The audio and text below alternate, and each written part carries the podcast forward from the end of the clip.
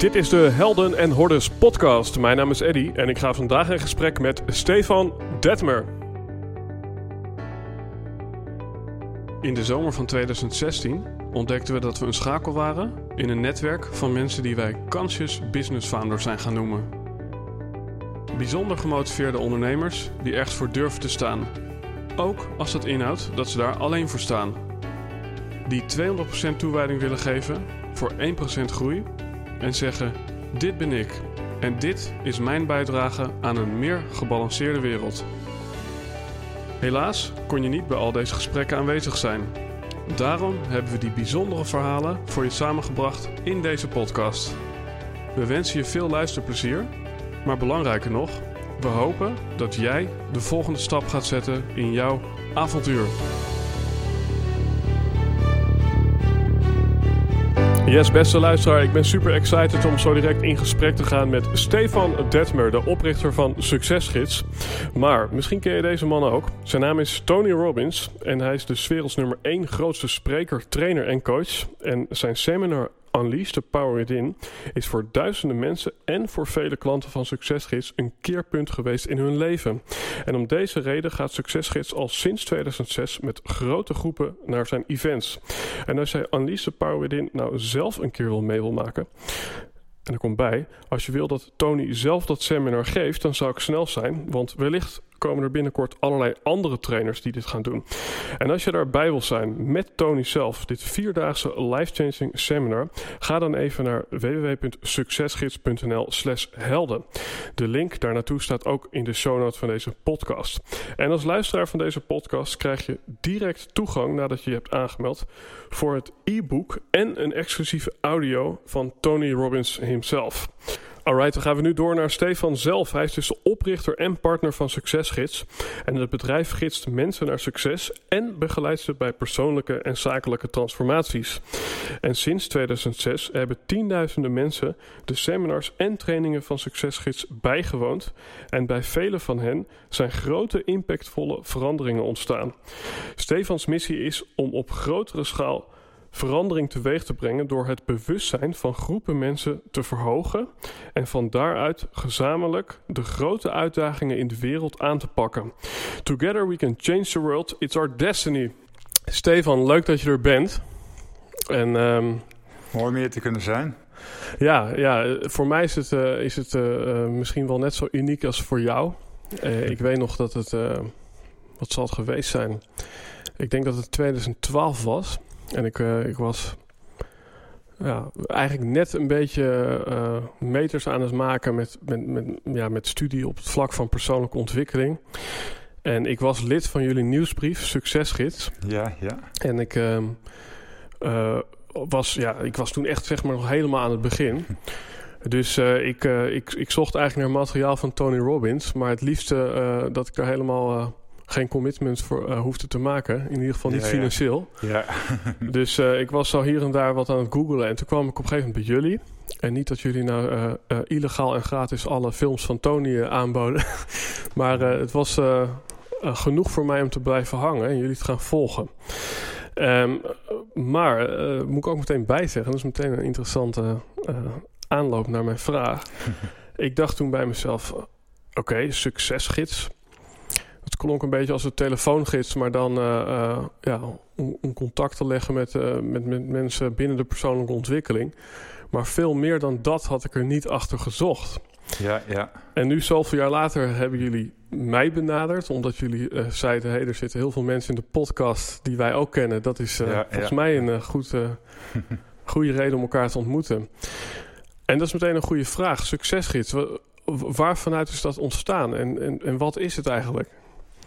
Ja, de, de naam Succesgids leidt inderdaad uh, soms tot uh, het beeld wat jij net schetst van uh, ja, het is een gids. En je kan het ook zo zien. We zijn mm -hmm. een platform waarbij je eigenlijk ja, allerlei trainingen en seminars kan vinden die jou gaan helpen naar succes. Mm -hmm. En dan kan succes op alle vlakken in het leven zijn. Dat kan zijn persoonlijke ontwikkeling, kan businessontwikkeling zijn, kan financieel zijn, gezondheid, relatie, spiritualiteit. Eigenlijk al die topics die kofferen we. Mm -hmm. um, maar het is eigenlijk uh, dat aan de ene kant. En aan de andere kant is het het gidsen naar succes. Ja. Dus eigenlijk meer dat guiden, het leiden naar. En uh, met name dat de tweede deel, daar zit veel meer eigenlijk onze, onze visie en onze missie achter. Ja. Uh, en ja, in het woord komt het, komt het beide samen. Ja, ja. ja. ja dat is grappig, want bij mij helden en hordes ehm, denken sommige mensen bij hordes aan obstakels, terwijl andere mensen die denken bij hordes aan de massa, namelijk de massa mensen die niet doet wat jij doet. uh, ook dat is meteen een mooi bruggetje, want uh, wat jullie uh, toen hebben neergezet met de events die jullie organiseerden, dat, mm -hmm. dat, dat deden volgens mij niet heel veel andere mensen. Klopt dat? Ja, kijk, ehm, in, in, in de loop der jaren, wij zijn in 2006 uh, gestart, hebben we heel veel partijen gezien die ook uh, wel dingen in de markt zetten. Uh, mm. En er zijn ook anderen die, die hele mooie dingen in de markt zetten, net mm. als wij. Um, maar er zijn er weinig die ik eigenlijk door de jaren heen als, als blijvend heb, uh, heb gezien. Mm -hmm. dus ik denk dat daar een onderscheid in, in zit. En uh, dat wij starten, zijn we met name eigenlijk gestart rondom de events, de seminars van Tony Robbins. En ja, daar waren wij eigenlijk, waren en zijn de enige partij. Dat ja. wij zeg maar de, ja, de partner voor Tony Robbins in, in Nederland zijn. Mm -hmm. Nou ja, wat ik, wat ik daar bijzonder aan vind, is uh, daarin heb je eigenlijk een faciliterende rol. Hè? Dus je zegt eigenlijk van uh, er zijn andere mensen die kunnen een uh, kunstje heel goed.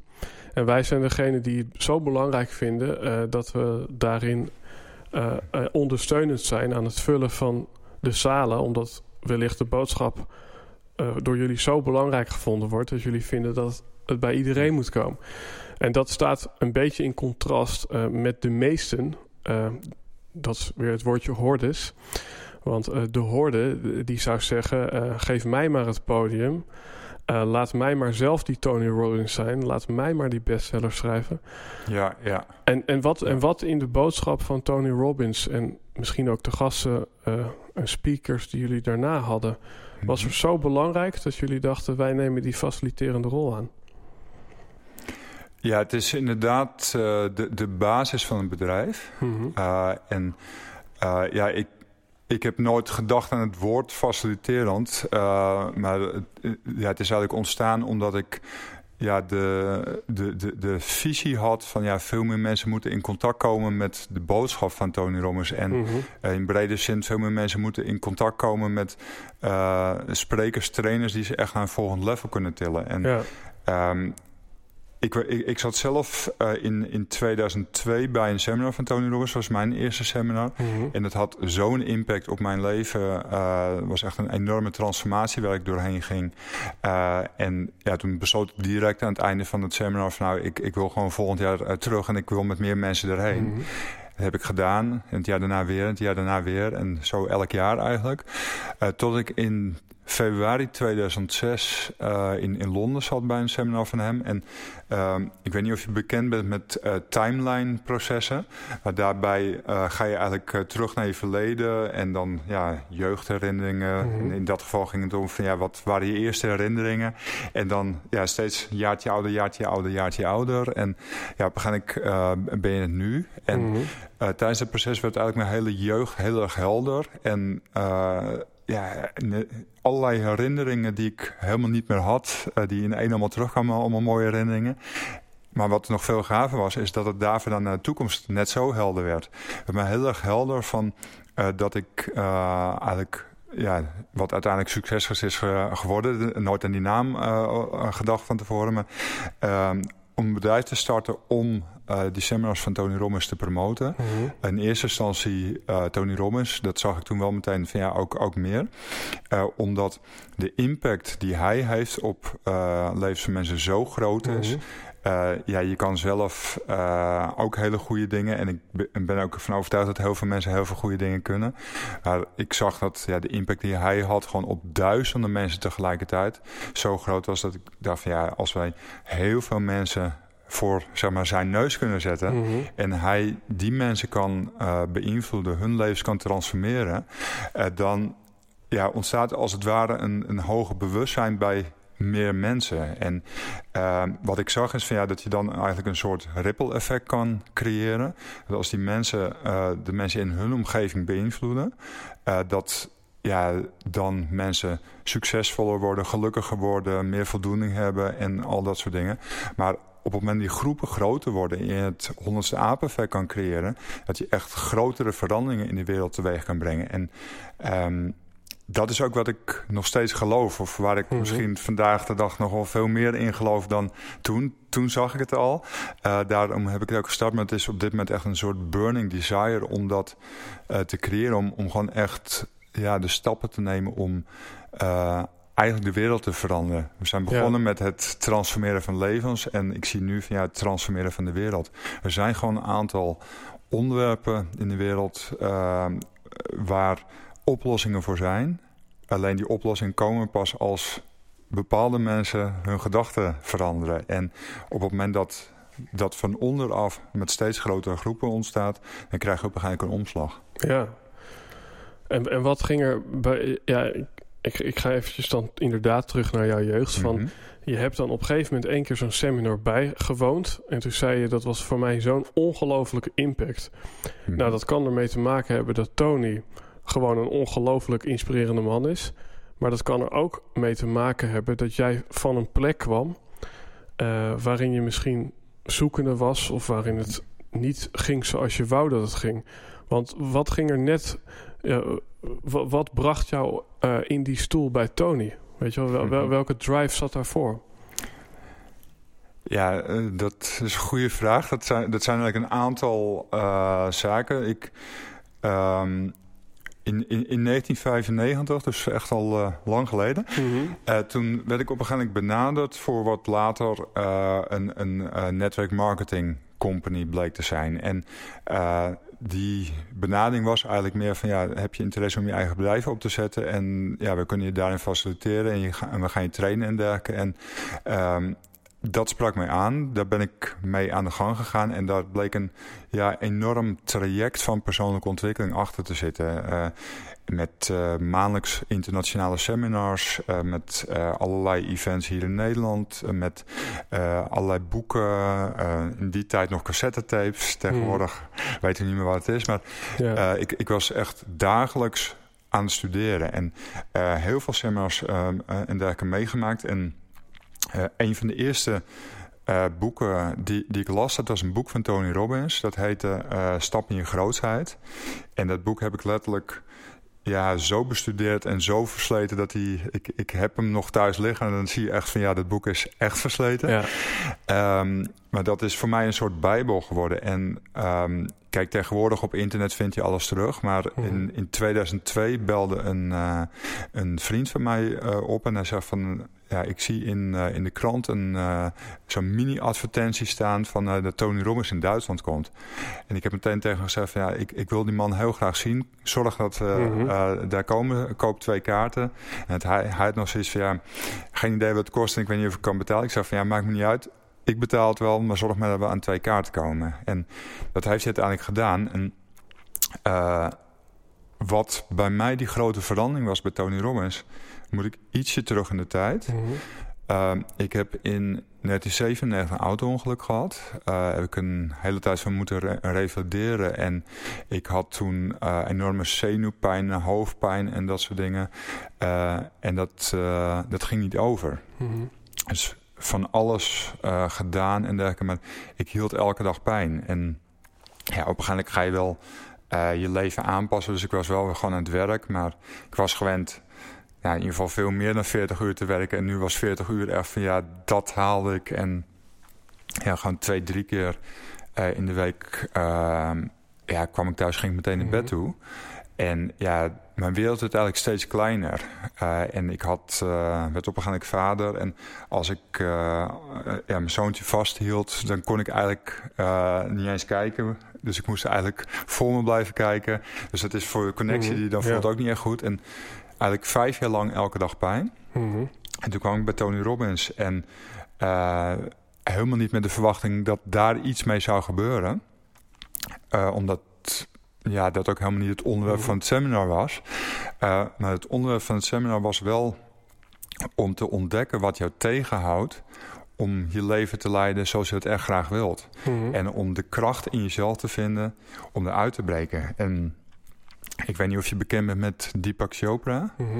En Deepak Chopra uh, heeft een tijd met Tony Robbins samengewerkt. En Tony die vertelde op een gegeven moment over het werk wat zij hebben gedaan. En hoe zeg maar, de cellen in je lichaam zichzelf vervangen. En Tony deed op een gegeven moment een interventie met een vrouw. Die in haar jeugd uh, seksueel misbruikt was. En Mhm. het was een hele intensieve interventie. Uh, heel mooi om mee te maken ook. Uh, maar ook ja, heel uh, pijnlijk om te zien wat Mhm. voor impact dat op haar had. Maar hij uh, vertelde onder andere dat er geen cel meer in haar lichaam was die dat ooit heeft meegemaakt. En dat het puur de herinnering is Ja, bijzonder. Ja. die ja. wordt overgebracht en die de pijn zeg maar in je hoofd vasthoudt. En uh, hij ging daarna een proces in om door je beperkende overtuiging heen te breken. En uh, ik had er twee, drie dingen opgeschreven van wat ik wilde veranderen. En tijdens het proces, terwijl hij ook bezig was, dat is een proces van 2,5 uur ongeveer, kreeg ik in ene soort insight van al die klachten die ik heb, is bij mij ook niet meer fysiek. Dat is ook de herinnering Ja. die die cellen overbrengen. En het is een limit in belief. En hij, hij ging daarin zeg maar, steeds meer de pijn opbouwen van wat heeft het je gekost in het verleden, wat kost het je nu. Nou, daar had ik heel veel pijn aan verbonden. En toen naar de toekomst toe. Ja, ja. En toen kon ik er doorheen breken. Ja, maar, maar het, doet me aan denken van... Weet je, als je dan toch over verhalen hebt... dan is het Mhm. inderdaad... je haalt een, een, een verhaaltje over jezelf weg. Eh, namelijk dat jij... eh, ja, op een bepaalde manier niet goed functioneert... of niet goed genoeg bent. Eh, en ja, er komt eigenlijk ook een nieuw verhaaltje... een nieuw belief voor in de plaats. En dat is, ik ben het wel. En ik ben, ik ben misschien nog wel veel meer dan ik ooit Ja, gedacht ja. had dat ik was. Ja.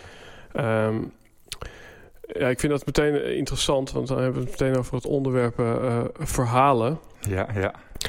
Ehm, ja, in, in, in hoeverre geloof je eh, dat ook dit nieuwe geluid wat je geeft, dat dat ook een verhaal is, als je snapt wat ik bedoel?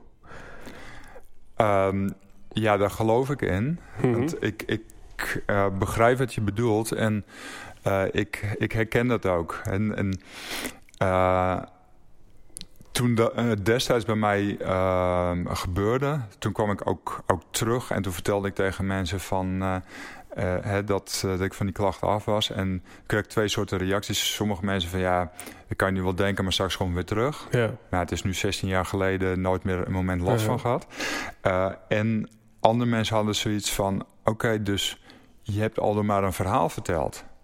Je hebt eigenlijk, dus die voelde zich bedonderd. die voelde zich bedonderd. En eh, dat heeft mij heel erg aan het denken gezet. Eh, en ja, heb ik ook onderzocht van hoe zit het dan? En Mhm. ik, ja, uiteindelijk je, je werkelijkheid, je realiteit eh, wordt gevormd door je eigen gedachten. En mijn werkelijkheid creëerde ook die pijn. Het was niet dat ik vertelde Mhm. dat ik pijn had dat ik niet had. Nee, die pijn was heel reëel.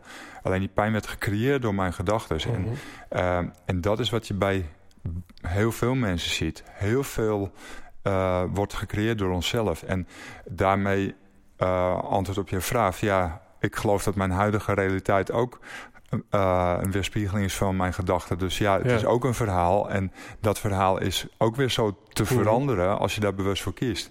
Ja, dus eigenlijk de, de, wat je zegt is... ik kies ervoor om ergens anders in te geloven waar ik in heb geloofd. Ja, Ja, ja en, en dan gaat het er denk ik om van ja, je en kan... dat is dat stukje bewustzijn waar je het over hebt. Ja, inderdaad. Ja, het, het, het, zien van wat er gebeurt, het zien wat de impact is die je zelf hebt op je eigen leven.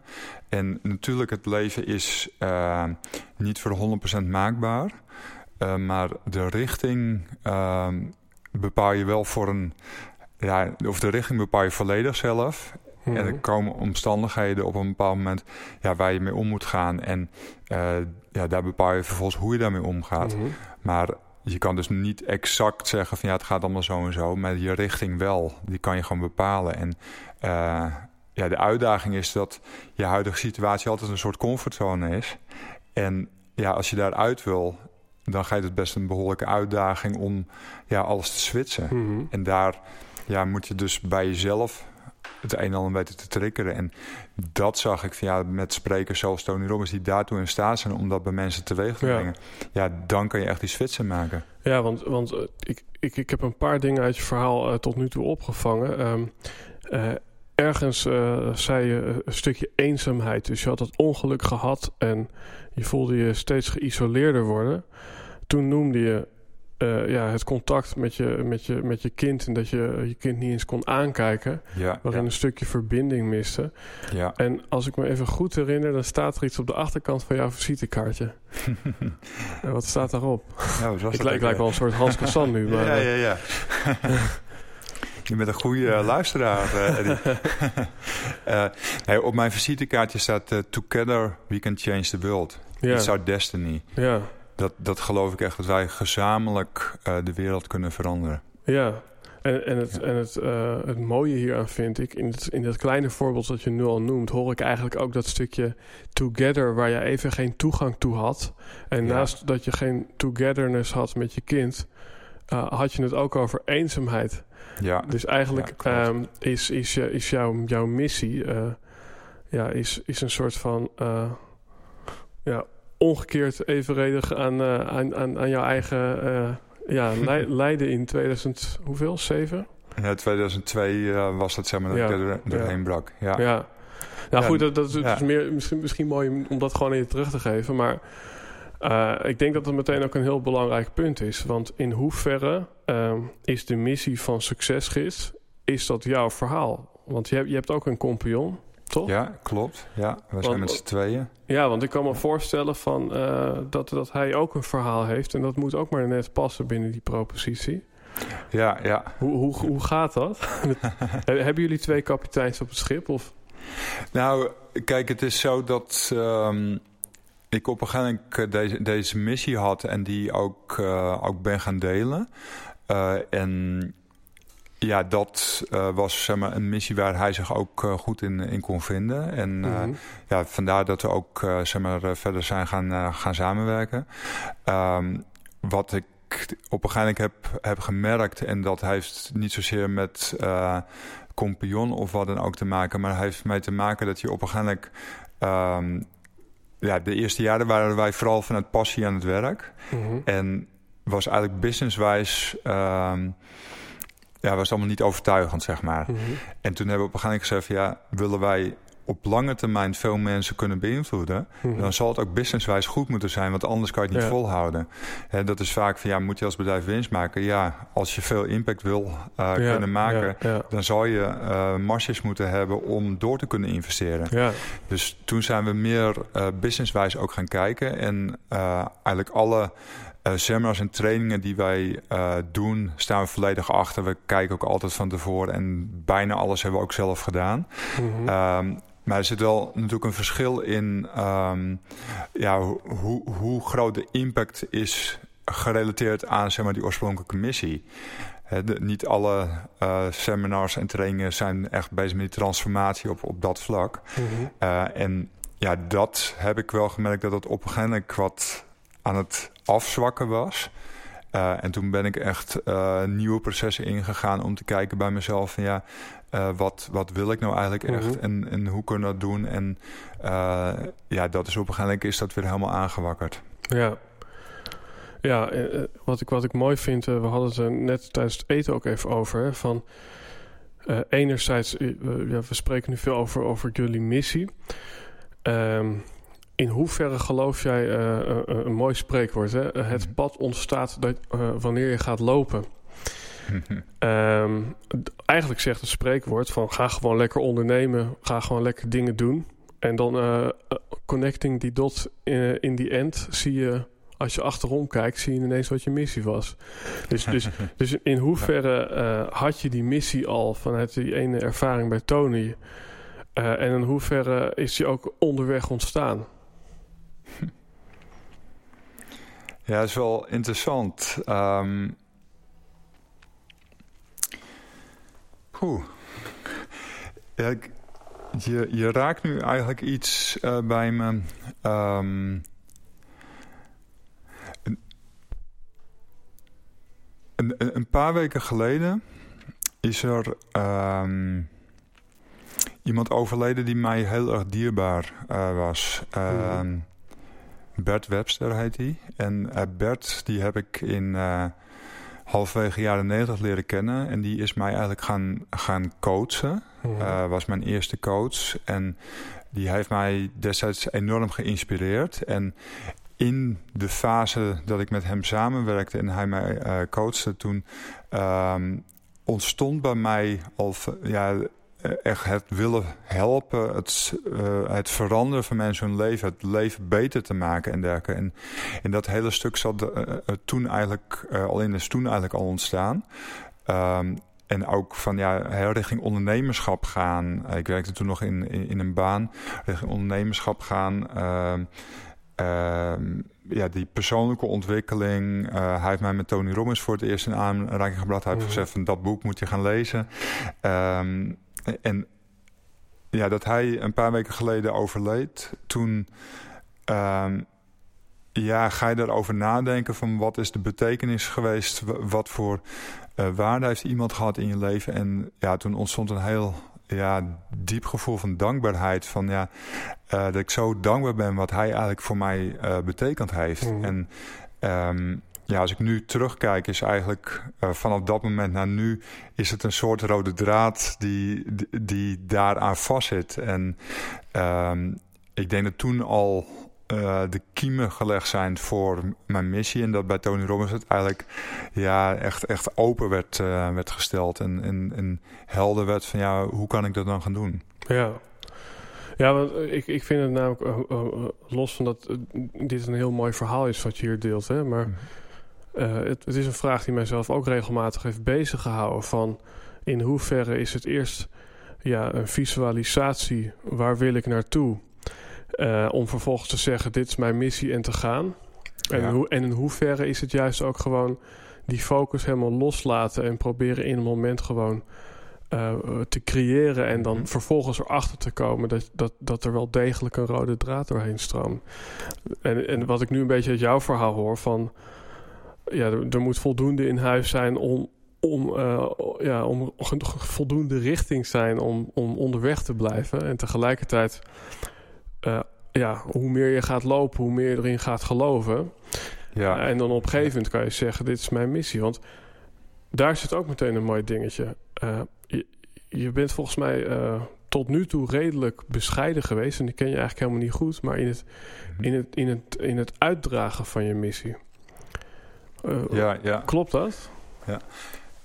Um, ja, je, je, je, je, stelt eigenlijk, denk twee vragen. Die, die, die, die ene was nog, uh, zeg maar, van het... Uh, ga, ga, ga, je die missie hebben en daar achteraan of mm -hmm. ontstaat het pad? Mm -hmm. Mijn mijn kijk erop is van dat het en-en is. Mm -hmm. uh, zolang je alleen maar aan het visualiseren bent en geen stappen zet, dan ontstaat het pad ook, ook niet. Op het moment dat je uh, uh, ja, stappen gaat zetten, wordt steeds helderder ook van wat het specifiek is. Ik, ik denk dat je een bepaald gevoel hebt of een bepaald beeld hebt van wat het ongeveer is. En als je dan de stappen gaat ja. zetten in die richting, ontsluit het pad om er te komen. Dan, dan ja. ontstaat het. Dus ik, ik geloof dat het een. Ja, de, en, ook, ook, ja, en ook, ook dat is samen te vatten in een mooie quote. En dat is volgens mij: je hoeft niet de hele trap te zien om de eerste tree te zetten. Absoluut. Ja, ja, ja, ja. daar geloof ik heel erg in. Ja. Ja, en dan dat tweede stuk, dat is inderdaad van uh, ja, het uitdragen van je missie. Wat, ja, precies. Ja. Wat, wat volgens mij ook een bepaalde dapperheid voor nodig is. Ja, kijk, uh, daar heb ik inderdaad wel een, uh, een, een, een, ja, worsteling klinkt, klinkt overdreven, want zo ervaar ik het ook niet. Maar um, in, in 2006 zag ik dus zeg maar um, ja, eigenlijk um, dat op het moment dat wij het bewustzijn van mensen vergroten, dat je een aantal grote problemen kan oplossen. En dan kan je dus denken aan het uh, beëindigen van oorlog. Want ik geloof erin van ja, je hebt uiteindelijk maar een paar mensen nodig die elkaar de hand geven. Uh, en Mm-hmm. daarmee de wapens neerleggen en de oorlog is over. Dan moet je daarna wel dingen organiseren. Mm-hmm. Maar je hebt maar een paar mensen nodig. En hetzelfde geldt voor um, ja, als, het, als het gaat om uh, zeg maar, uh, hongersnoden. Ik, ik, ik, heb een hele ja, carrière gehad in de logistiek. En ja, tegenwoordig weet je het zelf ook wel. Als je vandaag iets bestelt in Amerika, heb je het vandaag binnen, in huis. heb je het morgen overmorgen in huis. Hè, dat is enorm hoe die logistieke systemen zijn. tegelijkertijd hebben we een enorm voedseltekort op diverse plekken in aarde. en, en enorm overschot op de andere kant. Het, het is uh, gewoon ondenkbaar dat wij niet als mensheid in staat zouden zijn om die overschotten van de ene naar de andere plek te brengen voor het bedorven is. Want we kunnen mm uh, pakjes in uh, binnen etmaal gewoon aan de andere kant van de wereld hebben. Dus ook dat heeft te maken met keuzes die we maken. En op het moment dat het bewustzijn veel groter wordt en mensen ja, veel meer connectie met elkaar voelen en voelen dat we eigenlijk allemaal één zijn, dat we mm. veel met elkaar samenhangen, dan kan je dat soort grote problemen ook oplossen. Mm. En uh, wij hebben uh, afgelopen augustus uh, hebben wij geparticipeerd vanuit Succesgids in een ja, wereldwijde beweging. Uh, waarbij een World Peace Festival was dat, vanuit India geleid. Mm -hmm. En dat was een elfdaags festival waarbij tien dagen lang elke dag op een bepaald thema uh, zeg maar, uh, ja, wisdom teaching plaatsvond en ja, hele krachtige meditaties. Uh, en dan kan je denken aan het beëindigen van oorlogen, maar ook aan het beëindigen van huiselijk geweld, geweld tegen vrouwen, kinderarbeid, geweld tegen de natuur. En zo mm tien van dat soort thema's, racisme, ook een hele belangrijke die voortkomen. Um, en ja, dat, dat uh, zoveel wijsheid, waardoor het ook zoveel, uh, zo duidelijk werd van ja, uh, hoe je op een andere manier over na kan, na kan denken en kan oplossen. En de elfde dag kwam het eigenlijk allemaal samen. En toen zijn er op 8000, ruim 8000 plekken op de aarde uh, zijn er groepen mensen bij elkaar gekomen. En allemaal groepen van 50 mensen of meer. Wat dat een soort uh, magisch aantal is dat vanuit heel veel onderzoek is gebleken. Ja, als je met 50 mensen mediteert, dat je dan niet alleen je eigen uh, innerlijke proces verandert. En niet alleen dat versterkt door die 50 mhm. mensen, maar dat ook de omgeving gaat beïnvloeden. Dat, dat is gewoon gemeten. En uh, wereldwijd uh, zijn er door meer dan een miljoen mensen tegelijkertijd gemediteerd. En ja, het is gewoon fantastisch wat er gebeurt. En je kan ehm, niet voorstellen van wat voor reacties je van mensen krijgt. Maar ook um, nu in India zijn een aantal dingen gewoon in wetgeving gebeurd. Er zijn de afgelopen weken wetten veranderd uh, die al meer dan 150 jaar daar mhm. bestonden. En natuurlijk kan je niet zeggen van het komt één op één mm daardoor. Maar het is wel ja, heel toevallig dat het nu allemaal loskomt. Ik moet denken aan een, uh, aan een documentaire die ik een keer op uh, Netflix heb gezien. Jurk, ik vraag even van jou, hoe heet die ene Netflix documentaire waarin zo'n vrouw uh, telepathische communicatie deed. ja, het is, het is, interessant, want uh, uh, die vrouw die beschrijft eigenlijk wat jij nu zegt, namelijk dat, dat er wel degelijk ja, vermogen in ons zit om te communiceren, ook als je niet fysiek met elkaar in één ruimte zit, maar dat er ook ja, ja, hoe je het moet noemen, weet ik niet. Maar over, ja, op een grotere schaal dingen kunnen plaatsvinden. En ja. het interessante daaraan is. Um, uh, zij uh, gaat dan op een gegeven moment naar een ander continent. Uh, nadat ze heel veel oogcontact en ja, non-verbale communicatie met mensen heeft gehad. En uiteindelijk gaat ze naar een ander continent. En dan is het zo als iemand emotioneel wordt of ergens aan denkt op continent X. Dan op dat moment ja, over, overvliegt die emotie haar ook. Ja, ja. En dat, en dat is dan ook gewoon helemaal aangetoond met, met een stukje wetenschap ja. zelfs. Dus, dus volgens, mij, volgens mij zitten we daar ook uh, uh, ja, in, in, in een stukje meer acceptatie naar de dingen die we misschien ja. tot nu toe altijd een beetje sceptisch hebben aangezien. En dat, dat leidt me eigenlijk naar de volgende vraag. En dat is ja, in, in hoeverre um, uh, ja, eh, als jij zelf een hele grote missie hebt als ondernemer of als mens, in hoeverre uh, moet je dan wachten tot de massa, hordes, mm daar ook is voordat je die uitdraagt? Ja, ja. Is, is, vind jij dat je daarmee moet wachten? Om, omdat je denkt, nou, hier zijn mensen echt nog niet aan toe, wat ik allemaal voor ideeën heb.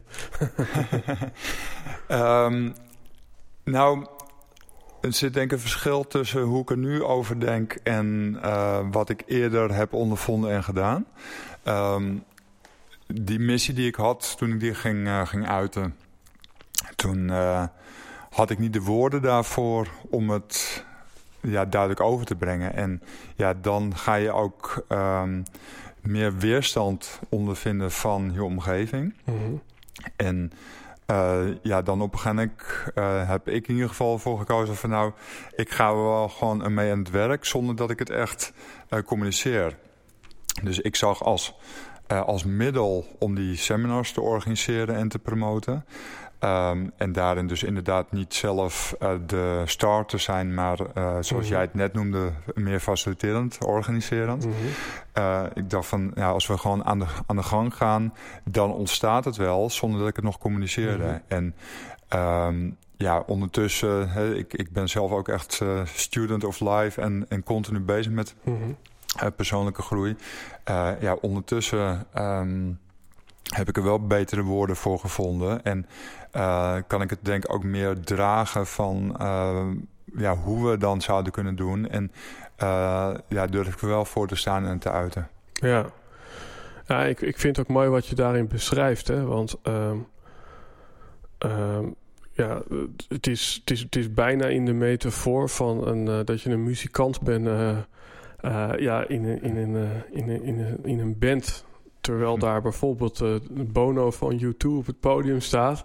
En op een gegeven moment als er genoeg vertrouwen is... en dat je ook zelf genoeg ervaring hebt... dan durf je zelf ook op te gaan staan. Maar niet meer als achtergrondmuzikant, maar aan de voorhoede. Ah, geweldig. ik vind het geweldig dat je Bono van U2 noemt.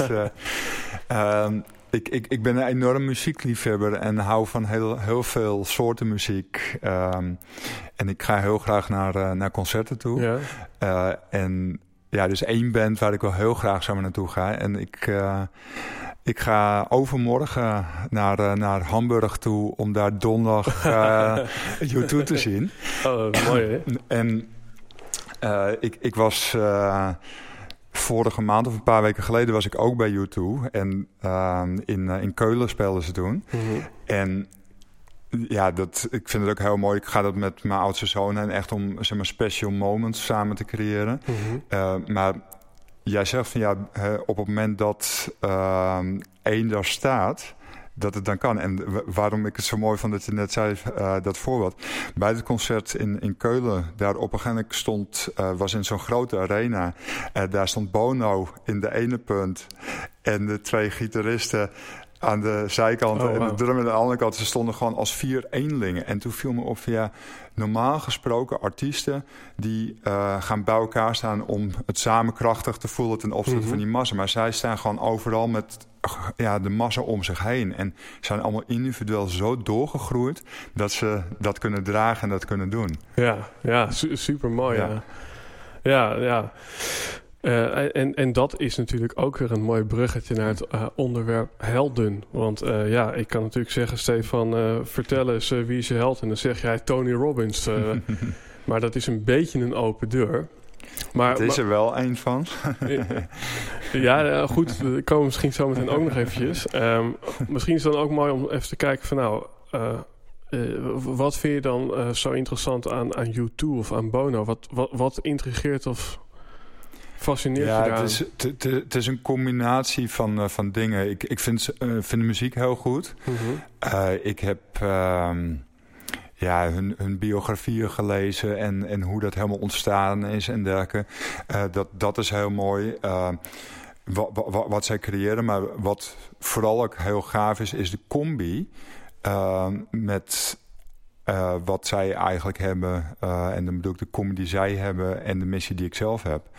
En U2, Bono, staat heel erg voor het veranderen van de wereld. Mm -hmm. En uh, alle thema's waar ik mee bezig ben en denk dat ik die verandering kan brengen, uh, gebeurt gebeur daar ook. En ik, wat ik zei, ik was een paar weken geleden in Keulen bij een concert. Mm -hmm. En uh, ik, uh, ik was er met een goede vriend van mij en, en met mijn oudste zoon. En um, terug in de auto zei ik van ja, in augustus zijn we bezig geweest met het World Peace Festival waar ik het net over had. Ja. En al die onderwerpen komen op een heel andere manier tijdens het concert weer terug. En ja, het, het, het, het, lijkt dus voor mij een enorme connectie te zijn tussen wat, uh, wat hij brengt en, en, en, en uh, qua, qua message. En het is mhm. natuurlijk de band, maar hij verwoordt het Bono. Uh, en waar ik zelf voor sta. Dus mhm. ja, als je praat over helden, dan is Bono wel inderdaad een van mijn helden. En, ja. en, en, en kan je als ondernemer ja, dus inderdaad een band en, en, en biografieën lezen van een artiest kan dat je ondersteunen? Want ik had hier vorige week iemand in de podcast en die uh, zei: uh, Andy Warhol is een, een held van mij. Mm -hmm. Hij heeft een, het grootste WordPress-bureau van Nederland. Um, um, maar het is interessant hè, dat, dat als je dan kijkt van nou, dan denk je, dan lees je alleen maar boeken over broncode. En, ja, ja. en misschien dat je, nou ja, een een of andere techbedrijf of IBM of zo als, als, als ja, als avatar hebt. Maar bij hem was dat dus gewoon Andy Warhol. En uh, ja, wat kan jij leren dan van, van zo'n artiest? En, en kan je dat implementeren in je business? Ja, ik, ik denk wat je kan leren. Um, en en ik, ik lees overigens veel biografieën, ook van allerlei uh, sporters en, en andere artiesten en ondernemers. Uh, en ook uh, mensen als, als, als Gandhi en ehm, Martin Luther King en mm -hmm. dat soort mensen. maar wat, wat je ziet is dat al die mensen een uh, bepaalde, hè, bijvoorbeeld die artiesten echt een bepaalde passie hebben. Hè. Als, mm als je kijkt bij, bij een, uh, uh, een U2, maar ook bij bijvoorbeeld een, een Sting, het hele traject waar hij doorheen is gegaan voordat zij met de police doorbraken. En wat voor gedrevenheid hij had. En dat hij eigenlijk alles opzij gooide om maar uiteindelijk dat succes te bereiken. Mm En uh, gewoon alle keuzes te maken om daar uiteindelijk te komen. En dat is iets wat je als ondernemer ook uh, moet ja. Je zal die focus moeten hebben, die drive. Want er, er is zoveel afleiding in het leven. En uh, je ziet ook heel veel ondernemers die daarmee aan het, aan het strukkelen zijn. Van ja, honderd ideeën. Maar wat is nou dat ene wat je mm -hmm. ja, echt tot een succes gaat maken? Ja, ja. Ja, en dan ook de vraag van uh, uh, succes maken. Uh, hoe belangrijk is dat voor jou? Dat, dat, het, dat iets een succes wordt? Want als je nou bijvoorbeeld een band bent, maar je hebt geen 10.000 fans, maar je hebt 50 fans, maar je hebt wel heel veel mhm. plezier daarin. Is, is, het dan, is het dan ook goed? Ik denk dat het iets heel persoonlijks is. Als, als jouw doel is met je band om uh, voor 50 mensen te spelen. En, of eigenlijk dat die 50 mensen er überhaupt niet te doen, maar om plezier te hebben. Van, mhm. ja, dat is fantastisch. Uh, op het moment dat je uh, ja, ook er zeg maar van wil leven, mm. ja, dan is het goed dat het ja. groter is en dat. op het moment dat je grote veranderingen teweeg wil brengen, zoals bijvoorbeeld ja. een, een U2, ja, dan moet het ook allemaal naar een grote platform toe. Ja. Nou, en ik, en ik, vind dat een mooie nuance. Want dan, dan, dan ben je eigenlijk meteen weg van de discussie van... is geld verdienen vies? Uh, en uh, ja, waar ik vaak genoeg in deze podcast ook over praat. Hè, weet je wel, van... moet je wel van je passie je poen willen maken? Want heb je dan niet een verborgen agenda? En uh, doet dat niet ook een beetje kosten of ja, aan je passie, weet je wel? Ja, ja. Um, maar jij, uh, zoals ik het jou hoor zeggen, is, is geld als meer een stukje energie of, veran of, of veranderkracht om, ja. om je doel te bereiken. Ja, ja het is inderdaad, um, zeg maar, wat je vaak hoort van. Uh, uh, je moet niet voor het geld werken, maar je moet inderdaad je, je passie hebben en dan volgt het geld wel. dat um, ik, ik, ik, ik volgde in mei was het een training in Zuid-Duitsland. En daar uh, teachte een uh, uh, spiritueel teacher vanuit India... die teachte over, over dit onderwerp. En ik had eerst zoiets van... Ja, wat gaan die mij op dit vlak leren? Want ik heb zelf in het verleden trainingen gegeven... over financieel bewustzijn en, mm -hmm. en dat soort zaken. Dus ik had zoiets van... Ja, wat moet ik van hun op dat vlak mm -hmm. leren? Hier ben ik wel verder in. Nou, niet ja. dus. Niet dus. was nog een hele weg. En zij vertelde een, een story over Mr. Nobody... En wat ze eigenlijk zei is van ja, mensen uh, die uh, werken uh, voor geld, omdat ze ehm, ja, bijvoorbeeld eh, meer status willen. Of omdat ze denken van ja, als ik meer geld heb, dan ehm, heb ik meer zekerheid. Of ja, als de buurman dit of dat doet, uh, dan uh, koop, dan wil ik dat ook hebben. Mm er zitten vaak allerlei emoties om, omheen. En uh, op het moment dat je dan dat geld niet haalt, dan voel je eigenlijk een nobody. Dat is mm wat bij veel mensen het onderliggende is. Op het moment dat je dat kan oplossen, wat het onderliggend is, wat jou aanstuurt. En ja, als je dat opgelost hebt, dat je niet meer bij dat gevoel komt omdat het er niet meer is en je gaat dan je passie achteraan, dan kan het gewoon vloeien en dan volgt het mhm. gewoon. Ja, dat is ook uh, waar we in de, de live podcast uh, die ik met Alex van der Werf heb gedaan over spraken. Dat is het thema de verborgen agenda. Hè? Dus ja, inderdaad dat je iets niet vanuit een hele authentieke bron doet. Maar dat je doet om, omdat er een angst onder zit. Of dat je ergens vanaf wil komen. Of je wil een, een stukje ego in jou die, die schreeuwt om erkenning. Ja, ja. Ehm, ja, dat, is ook interessant. Als we eventjes terugpakken naar het uh, thema helden, dan ben ik eventjes benieuwd van uh, of, of je nog iemand hebt. Want we hebben het nu net over Bono gehad. Ja, uh, ja, ja. Tony heb ik... heb je ook al gehoord, ja. op, op een heel ander vlak, dat is ook nog wel een leuke story. Um, ik, ik ben ook wel voetballiefhebber. Mm En vroeger was echt mijn, mijn held Marco van Basten. Mm Wat, ja, zeer inspirerend, hele goede voetballer, maar ook ja, hoe hij dingen creëerde. En hij, hij denkt gewoon anders dan iedereen denkt. En Um, dat was echt een held voor mij, echt een, echt een, echt een voorbeeld. Um, en een paar jaar geleden toen, toen volgde ik een, eh, een trainersopleiding, uh, een NLP-trainersopleiding. Ja. En daar uh, was Marco was een van mijn medecursisten. Oh, wow. En dan, dan zit je ineens zeg maar, met ja, je held in, in, in, in de klas. En dan ben je in de, in de pauzes met elkaar aan het praten. En ik ben op een ook met hem aan het eten geweest en dergelijke. En dan heb ik ook tegen mezelf, ja je bent uh, gewoon, vroeger was je echt een held voor mij. Uh, en niet dat je nu van dat voetstuk bent gevallen, maar ja, ineens zit je dan zeg maar, met je held ja. om, om, tafel. En um, Mooi, wat, ja. wat, wat, ik daar echt, echt zag, is dat, dat Marco iemand is die um, dus echt niet bang is om een afwijkende mening te hebben en te uiten van alle anderen. En um, misschien dat hij niet altijd gelijk heeft, maar hij belicht wel altijd iets op een totaal andere manier, waardoor het uh, collectief van het denken uh, verandert. En, en heel vaak heeft hij ook wel gelijk. Ja. Uh, en het is echt heel, heel inspirerend om, om dat te zien. En het leuke is, um, eigenlijk, want wij zeggen hierin altijd wat je zegt bij jezelf. Weet je wel, mhm. dus, dus dat hele helder verhaal gaat eigenlijk over een ja, een stukje wat resoneert met jou in de ander. En wat je dus alleen in die ander kunt zien, omdat je het zelf ook in potentie bent of hebt. Mooi. Um, en dan kijken, kijken we even naar dat rijtje van uh, uh, Tony heb je eigenlijk al beschreven vanuit het, ook het stukje uh, anders denken. En wat nou als er meer mensen komen met een ander bewustzijn die anders durven denken of kijken. Nou ja, dat is eigenlijk wat je letterlijk ook over, uh, uh, over uh, hem uitspreekt. Ja, ja, ja klopt. Is natuurlijk eigenlijk ook wat jij zelf hebt gedaan. Um, en dat is meteen ook mooi, want we hadden het net over ja, durven gaan staan voor je missie en daar misschien nog in moeten rijpen. En dat je dacht, nou, toen der tijd had ik misschien nog niet de juiste woorden om dat te vatten. Ja, ja. En toch heb je altijd gewoon, ben je altijd blijven volharden aan aan jouw manier uh, dat anders durven denken of doen. Ja, ja. ja en, uh, en, en dat komt eigenlijk ook nog een beetje terug in U2. Want het is natuurlijk... Ja, volgens mij uh, is, staat U2 er ook echt onbekend van... het is niet alleen een band...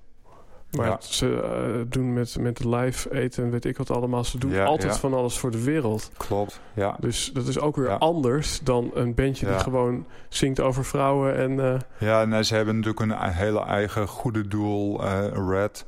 Waarbij ze ook hele grote projecten allemaal ondersteunen. Mm en, ja, klopt. Ja, dus Dat, is, dat is altijd een soort van mooi, mooie scan om even te kijken van wie ben ik. Ja, en, en dat is ook nog een, een andere held die, die ik heb die daar ook wel helemaal in past. Ook, ook weer op een heel ander vlak. En dat is Candy. En wij waren uh, vorig jaar uh, in, in India.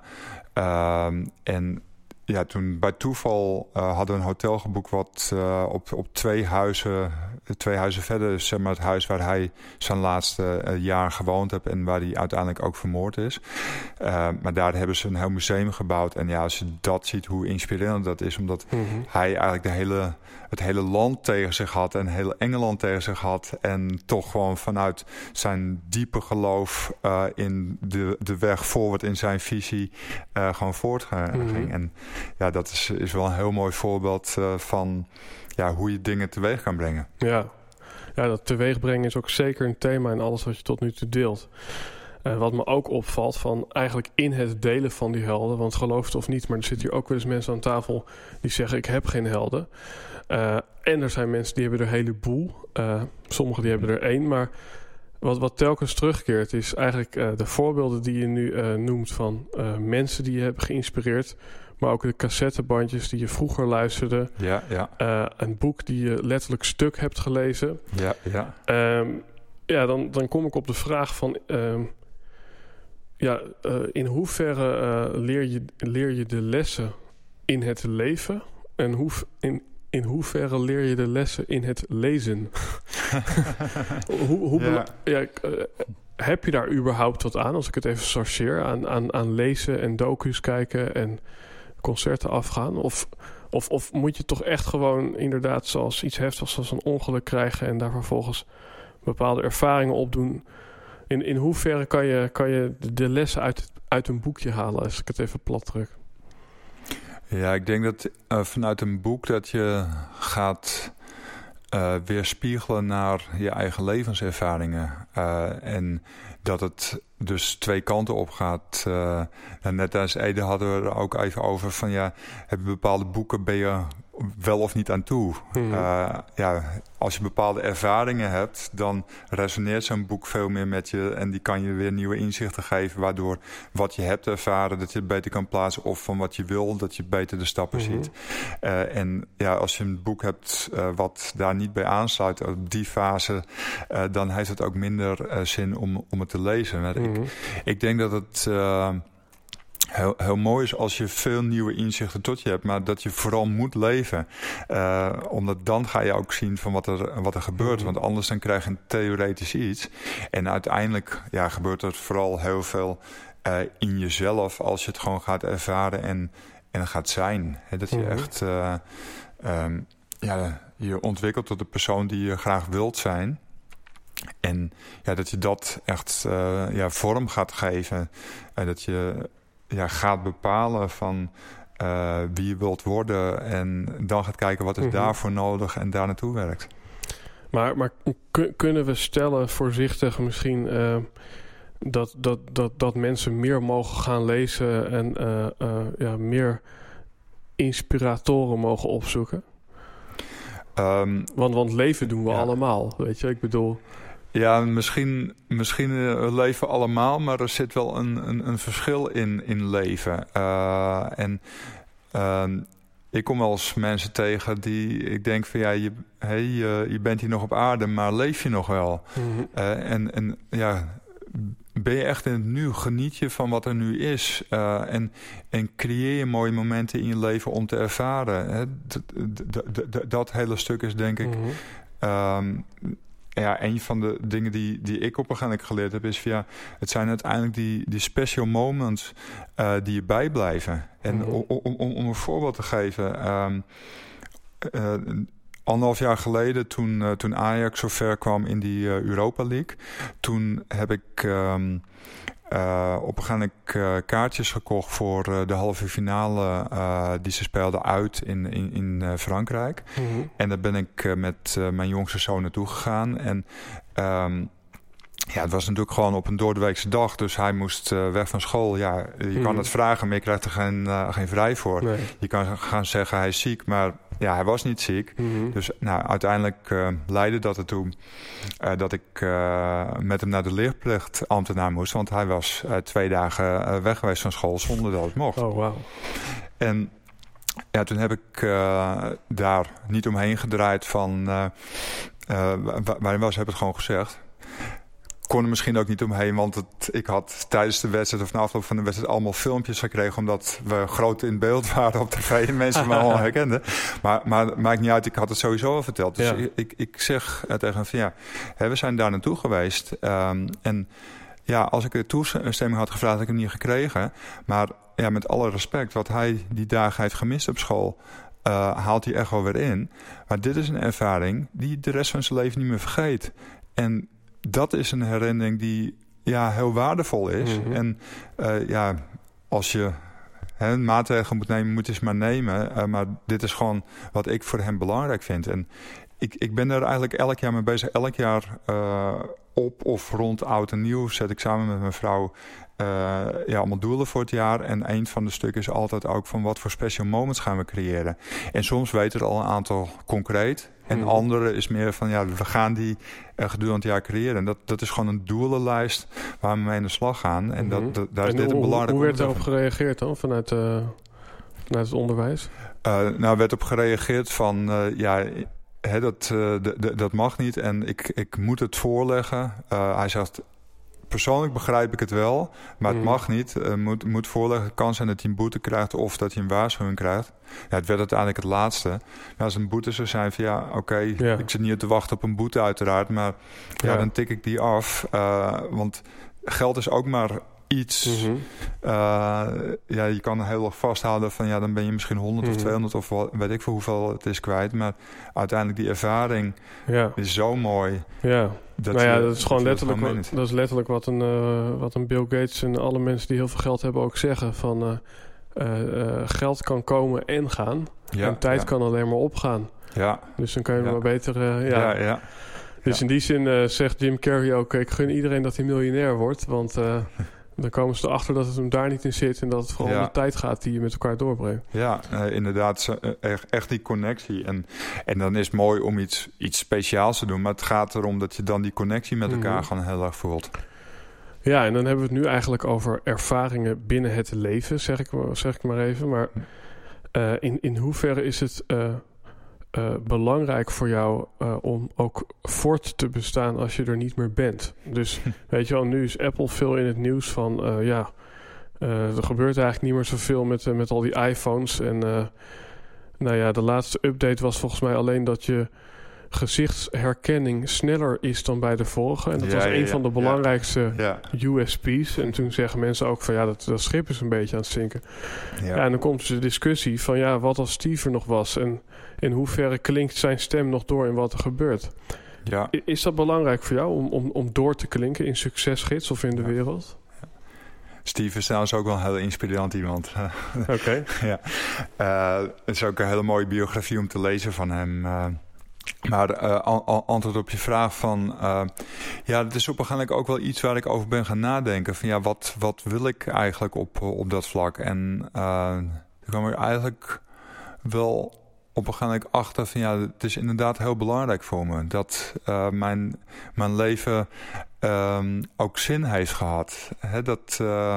je moet van, van het leven genieten en, en van de momenten genieten, maar tegelijkertijd dat het ja, hè, als je inbeeldt dat je op een gegeven moment zeg maar, op je, op je sterfbed uh, ligt. Uh, en als je dan terugkijkt op je leven, dat je echt het idee hebt van ja, mijn leven heeft zin gehad. Ik heb mm -hmm. uh, bepaalde veranderingen teweeggebracht. Ik heb iets, iets blijvends gecreëerd. En, en dan zou het heel mooi zijn dat je inderdaad iets hebt neergezet wat, wat door kan zonder jou. Mm -hmm. En in, in het bedrijf zijn we daar ook mee bezig om, om echt de stappen te zetten. Dat het bedrijf uh, niet afhankelijk is uh, van mij en mijn compagnon. Mm -hmm.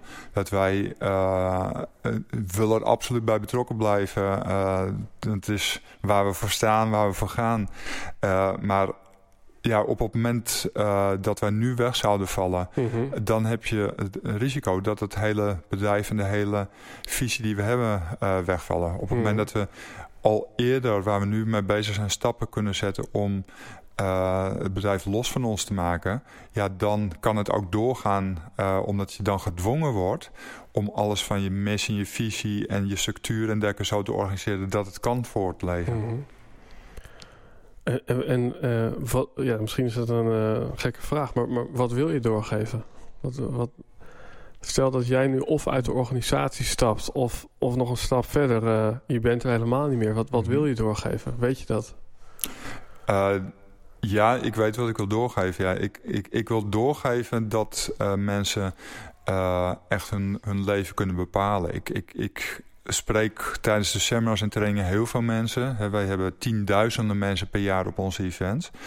Uh, dus die spreek ik niet allemaal persoonlijk, mhm. maar ik spreek er wel ook, ook, veel. En um, ja, heel veel mensen willen bepaalde dingen, maar uh, ja, kunnen dat niet, want ze hebben het geld niet. Of ze kunnen het niet, want ze hebben niet de tijd om het te doen, want ze zitten met een baan. Of ze kunnen het niet omdat hun partner iets uh, vindt of wat dan ook. En uiteindelijk kan je het allemaal terugbrengen in van... Um, als je zeg maar, je eigen uh, state verandert, je eigen state um, los kan maken van zeg maar, de excuses uh, en, en dergelijke, maar gewoon ziet van ja, ik kan het zelf bepalen, mm -hmm. um, dan kan je leven heel, heel, veel meer vorm geven. En dat, dat is iets wat ik nu wil overbrengen, maar wat ik ook ja, zo zou willen vormgeven dat het gewoon een blijvende boodschap eh, mhm. kan zijn. Dus eigenlijk wat je zegt uh, is dat de meeste dingen, want we hadden net ook even over maakbaarheid, maar de meeste dingen zijn, als ik, als ik jou goed hoor, zijn wel maakbaar. Ja, je kan niet, niet bepalen of het vanavond gaat onweren of niet, maar uh, we kunnen meer maken dan, dan, dan we denken. Maar, maar we roepen eigenlijk, uh, dat kan je niet maken. ja, in, in, inderdaad, um, ik, ik zei net al even van ja, wij, uh, wij maken altijd met de auto nieuw uh, een, een, een, groot visionbord wat we mm -hmm. ook mhm. ophangen. En, en dat, dat is over een geschreven vision. Uh, dus wat willen we zeg maar, qua, qua, qua reizen en vakanties doen? Wat willen we met de kinderen doen? wat zijn de, de business doelstellingen? wat wil ik financieel? Wat wil ik met gezondheid? Wat in de relatie met mhm. elkaar? Schrijven we allemaal op. En Um, ja, als je dan kijkt hoe een jaar zich ontwikkelt, dan is het niet zo dat dat 100% klopt, maar echt 80% van wat we opschrijven uh, reduceren gewoon in een jaar. En uh, ja, op het moment dat je het niet opschrijft, ga je alle kanten op. Mm -hmm. Maar op het moment dat je focus creëert, uh, dan ga je daar ook achteraan. En je moet wel steeds bij jezelf checken van waarom doe je het. Hè? Een doel moet geen... Je moet niet achter een doel aangaan omdat het toevallig een doel is. Nee, je moet het voelen of je het nog steeds wil. Dus echt, echt naar binnen en, gaan. En je moet voelen of het moment is. Want als ik nu opschrijf... Uh, doe mij maar uh, miljoen mensen in mijn opleiding... en 50 miljoen op mijn bank... Mm -hmm. Maar het is nog niet zo ver. Net zoals dat een boek misschien nog niet de, de juiste ja. timing heeft. Ja. Dus volgens mij speelt dat ook wel een rol. Ja, inderdaad. Ik, wij, wij, spreken veel ondernemers die uh, met een bedrijf willen groeien. En mm -hmm. uh, elke keer is, is daarop mijn antwoord van ja, als je wil groeien, wat is uh, dan eigenlijk het belangrijkste wat je moet doen? Mhm. Het is dat je zelf verandert. Jij moet zelf kijken van wie moet jij zijn om uh, dat miljoen uh, mensen in je opleiding te kunnen, uh, kunnen handelen. Om die zoveel miljoen op je bank te kunnen hebben. Ja. we kennen ook allemaal de voorbeelden van mensen die een, een lotto winnen en dan veel geld gaan uitgeven. Uh, gewend raken aan veel geld uitgeven, maar op een gegeven moment is geld op en daardoor heel veel de schulden ingaan. Ja. En na een paar jaar veel slechter af zijn dan dat ze het ooit hebben gewonnen. Uh, maar dat heeft ermee te maken met dat die plotseling worden overvallen met geld. En zij helemaal niet de persoon zijn die zoveel miljoenen kunnen handelen. Mm -hmm. Dus ja, wie moet je zelf zijn om dat te kunnen zijn? En ja, je kan doelen hebben, maar op het moment dat er ook maar iets van twijfel in je zit... en dat zit er op het moment dat het te ver weg is... Mm -hmm. kan je vergeten dat je het realiseert. Ja. dan, zeg maar, als je kijkt naar Law of Attraction... dan kan het ook niet gemanifesteerd worden... omdat er ja, een, een twijfel in jezelf zit. Ja, ja, mooi gezegd. Ja. Het doet me ook denken aan een uh, dame die ik uh, in een uh, weer andere podcast hoorde. Toen werd er de vraag gesteld van... Ja, als je nou een bepaald doel wil bereiken... Hè, ja, wat, wat, wat, wat, wat moet ik doen? En toen zei ze, nou het is eigenlijk heel simpel. Het is als een boek. Toen zei ze, een boek begint bij er was eens. Dus je moet weten waar je start. Ja, ja. En het eindigt bij een heel duidelijk plaatje van hoe ze leven. Namelijk lang en gelukkig in het sprookje. Maar je moet dat doel kunnen visualiseren. En ze zegt, als je het plaatje niet voor je kunt zien... dan gaat het ook niet lukken. Ja. En, en dat is eigenlijk ook wel wat we hier volgens mij zeggen. Van, Ja. Want ik vind dat een hele belangrijke nuance. Omdat uh, ja, zometeen... Uh, ik heb één keer uh, voor een mbo-klas gestaan... en toen deden we een visualisatieoefening. Mm -hmm. En allemaal tekenden ze een Hummer, een iPad en een... En een, en een vakantie Ja, ja, op Ibiza. Ja. Maar als je eigenlijk toch niet gelooft dat het gaat gebeuren... Ja, Ja, gebeurt er niks. Nee. Het is niet zo dat ze daar allemaal nu met een Nee. Hummer rondrijden. Ja, nee, precies. Kijk, als, als je kijkt, Law of Attraction is natuurlijk heel bekend geworden vanuit The Secret. Eh, in The Secret zeggen ze van ja, ask, eh, believe, receive als drie stappen. Eh, persoonlijk zie ik er eigenlijk zes. Ik denk dat het eerst begint met wat is je inner state.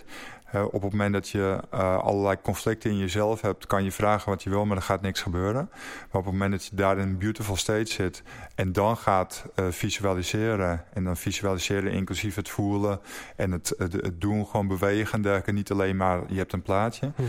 Uh, dan kan je vervolgens toe naar het belief, maar je moet er echt in geloven dat het kan, want anders gebeurt het niet. Mhm. Dan ga je vervolgens actie plegen. He, want dat is ook een belangrijke stap. Van, ja, je kan wel gaan zitten van geef me een miljoen of Ja. ook, maar het gebeurt niet. Maar op het moment dat je het visualiseert en bereid bent de actie te plegen, inclusief als actie jezelf te veranderen naar degene die je moet zijn om het te kunnen ontvangen, dus een stuk persoonlijke ontwikkeling daar. Uh, dan na die actie kan je gaan receiven. En dan is denk ik een hele belangrijke vervolgstap om die dankbaarheid te uiten van Ja. dat het gelukt is. En dan krijg je een soort cirkel Ja. die rondgaat.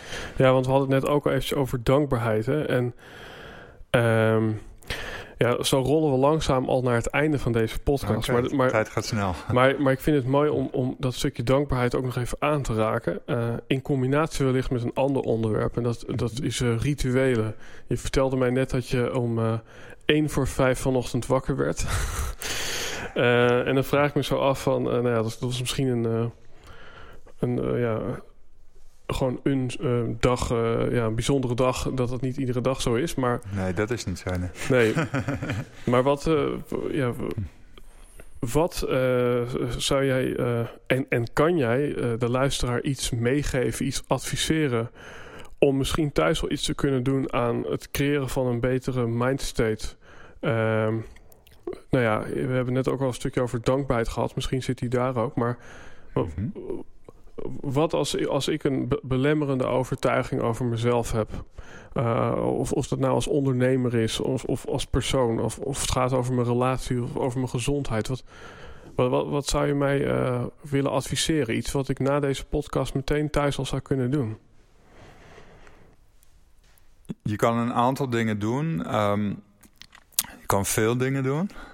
Um, ik denk wat op, uh, op heel veel mensen de meeste impact heeft, dat is uiteindelijk om je, je state zeg maar, te gaan managen. En daarmee bedoel ik van, uh, we zijn vaak heel erg gestrest bezig of heel erg bezig met van uh, dat en dat moet nog gebeuren. Of uh, zorgen maken over als dit of dat maar niet gebeurt. Of we zijn juist bezig in het verleden van ja, waarom is mij dat overkomen? Als je toe kan gaan naar uh, zeg maar, meer een, een positieve mindset. Ze noemen het ook een beautiful state. Als je naar die beautiful state toe kan gaan uh, en daar eigenlijk uh, ja, dan kijkt van ja, waar ben je eigenlijk blij voor? Of waar kan je blij om zijn? Waar kan je dankbaar om zijn? dan krijg je eigenlijk een hele focus door vragen te stellen waar kan ik vandaag dankbaar over zijn? Dan een focus op het positieve. Hmm. En dan gaat dus je energie naar positief toe. En van het positief gaat alles veel makkelijker. Hmm. Dus uh, ik, ik doe zelf elke dag, uh, ja, voor ik ga slapen, uh, kijk waar ben ik dankbaar voor geweest voor die dag. En elke ochtend doe ik dat ook. Ik doe dat zelf gewoon als ritueel. Uh, S'avonds als ik in bed lig en s ochtends als ik onder de douche sta... dan heb ik zo'n ritueel van nou, waar ben ik dankbaar voor. En, en dan denk ik ook van wat zijn nou de belangrijkste uh, drie dingen die ik vandaag wil mm. realiseren. Wanneer is mijn dag goed uh, als ik die dingen realiseer? Waarbij ik al veel meer de dag eigenlijk opzet om weer aan de gang te gaan. Maar ja, um, een uitspraak die ik uh, vorig jaar tegenkwam uh, is, is van ja, naarmate je meer dankbaarheid ervaart voor de dingen die je in je leven hebt, komen er steeds meer dingen op je af waar je dankbaar voor kan zijn. En um, toen ik dat to tot me door liet dringen, toen ging ik ook herkennen dat het inderdaad zo is. Naarmate je ja, meer aandacht besteedt aan van ja, hoe dankbaar het is en meer in het nu kan blijven, ontstaat er ook steeds meer. Want dat is een ander belangrijk iets. Wij zijn vaak zo met onze gedachten uh, buiten het moment zelf. Hè. Dus zoals wij nu zitten te praten, mhm. zijn we beide heel erg in het nu aanwezig. We zijn niet bezig met van wat moeten we morgen gaan doen of uh, in onze drukke agenda daar of uh, met het verleden van wat er allemaal wel of niet gebeurd is. We zijn het nu. En ja, ik vind het een heel fijn en mooi gesprek. Ja. En bijna alles in het nu is mooi. Ja. Maar de minder mooie dingen zitten altijd in het verleden of in de toekomst. In onze gedachten. Ja. Ja, mooi. Dat is inderdaad. Uh, ja, dat, dat, gaat misschien nog een stap verder. Hè? Maar als je in het nu bent, weet je wel, in, in, in de meditatie uh, noemen ze dat geloof ik een beginner's mind. Mm -hmm. Weet je wel, een, een baby kijkt naar alles vol verwondering, omdat ja, het allemaal ja. nieuw is. Maar als je inderdaad alle projecties en overtuigingen uit het verleden of de toekomst weghaalt en gewoon hier nu observeert en ervaart wat er is, ja. dat is al een hele mooie. En het grappige is, uh, dus misschien een soort praktijkvoorbeeld van wat jij hier nu zegt. Hè? Maar ik heb een bepaald type schoen uh, die ik heel mooi vind. En een uh, bepaald type sneaker uh, nou, die je niet eens hier in de winkel kan kopen. Dus die haal ik altijd uit het buitenland. Ja, ja. Maar het moment dat ik die had gekocht... waarin ik dus heel dankbaar ben... omdat dat tegenwoordig allemaal via internet kan... Ja, ja toen ging ik naar iedereen kijken die ook mooie nieuwe schoenen had. dus dan heb je al een soort van praktijkervaring van allemaal. Ja. Uh, um, je ziet ineens alleen maar mooie schoenen. Ja, ja, ja. ja. Um, ja, ik, uh, het stukje mindstate en het stukje positiviteit. Uh, dat vind ik een mooie om mee af te ronden. Dan uh, eindigen we hem ook in een soort van piek. Uh, uh, rest mij nog te vragen van... oké, we hebben nu in het klein gezegd... van dit kan je wellicht thuis al doen. S ochtends of s avonds dankbaarheid trainen. En misschien dan ook nog visualiseren welke dingen je die dag wil doen. Drie dingen waar je dankbaar voor bent. Ja, ja. En als je nu al zegt van... ja, Stefan, ik ben eigenlijk al een stap verder. Ik wil gewoon echt een commitment aangaan... Uh, op een stukje mindstate uh, uh, transformatie. Ja, ja, Is, er dan, is er dan op dit moment een event of een activiteit die, die, die jullie, mm. ik wou zeggen, faciliteren, waar we het aan het begin hadden? Ja, ja. Waar, waar iemand dan de volgende stap kan zetten of, of, of iets anders? Ja. Heb, heb je misschien gewoon een website als ik hem even plat druk? Ja, ja ik, ik, ik denk wat een hele mooie stap is, uh, en is eigenlijk een stap waarvan ik zoiets heb van iedereen van, nou, dit moet je gewoon meemaken. Uh, dat is een seminar van Tony Robbins, dat heet Unleash the Power Within. En als je dat meemaakt, um, dan is dat een combinatie van enorme persoonlijke ontwikkelingstrajecten. Uh, met uh, net alsof je uh, bij een cabaretier zit, af en toe met de stories vol humor. en af en toe denk je van ik ben bij een rockconcert, omdat er zoveel power en energie in wordt gegooid. Het zijn vier hele intensieve dagen waar je uiteindelijk na vier dagen van misschien 12, 13, 14 uur per dag bulkt van de energie en wegloopt. Maar waarbij je vooral heel helder gaat krijgen van wat wil je met je leven en ook het pad ziet om dat te doen. En alles wat je tot nu toe heeft tegengehouden om jouw droomleven te leven kan oplossen. En dat je uh, wordt tegengehouden is, is duidelijk. Want anders dan ben je er al, dan heb je het al. Oh, mooi. Dus er zijn beperkende overtuigingen die jou tegenhouden. En bij sommige mensen zijn die er bewust, of ben je mhm. bewust van die beperkende overtuigingen. Maar bij heel veel mensen is het onbewust. En tijdens het seminar trekt hij dat eigenlijk vanuit het onbewuste naar het bewuste. En daarmee kan je gewoon echt die stappen maken. En uh, ik heb het zelf bij mezelf ervaren. Ik heb het bij uh, eigenlijk alle mensen in mijn omgeving ervaren. Want in de loop der jaren heb ik ze allemaal meegenomen naar uh, dat event toe. En we hebben het echt met duizenden, duizenden, duizenden mensen uit Nederland ervaren. En die ik jaren later tegenkom. En dat gewoon blijvende veranderingen zijn. He, want voor een moment kan je iets anders doen. Maar een blijvende transformatie verandert echt je leven. En uh, dat gebeurt tijdens dat, dat event. En het heeft mij ontzettend veel gebracht.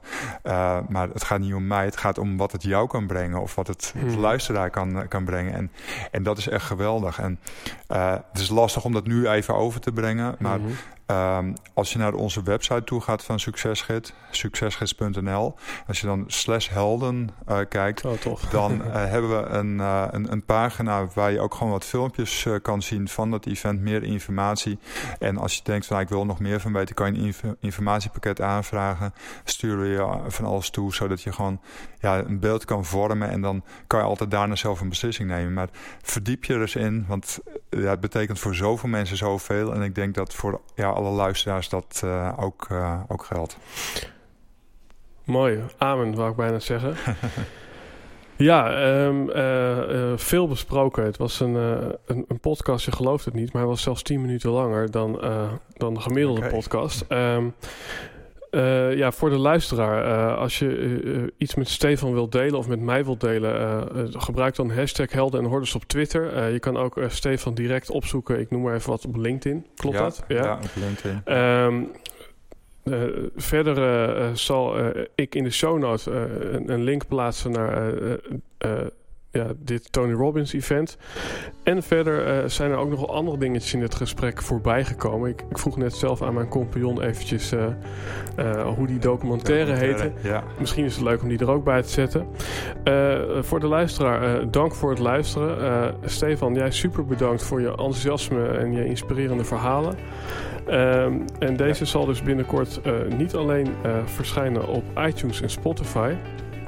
Uh, maar we zitten tegenwoordig ook op YouTube. Dus als je dat leuk vindt om er echt even de tijd voor te nemen en te gaan kijken, dan, uh, dan kan dat ook gewoon. Uh, ja, dankjewel. Dat was super mooi. Ja, jij ook bedankt. bedankt voor de uitnodiging en ja, de inspirerende vragen die me ook aan het denken zetten. Dus ja, dankjewel voor dit gesprek. Ja, ja tof. Superleuk.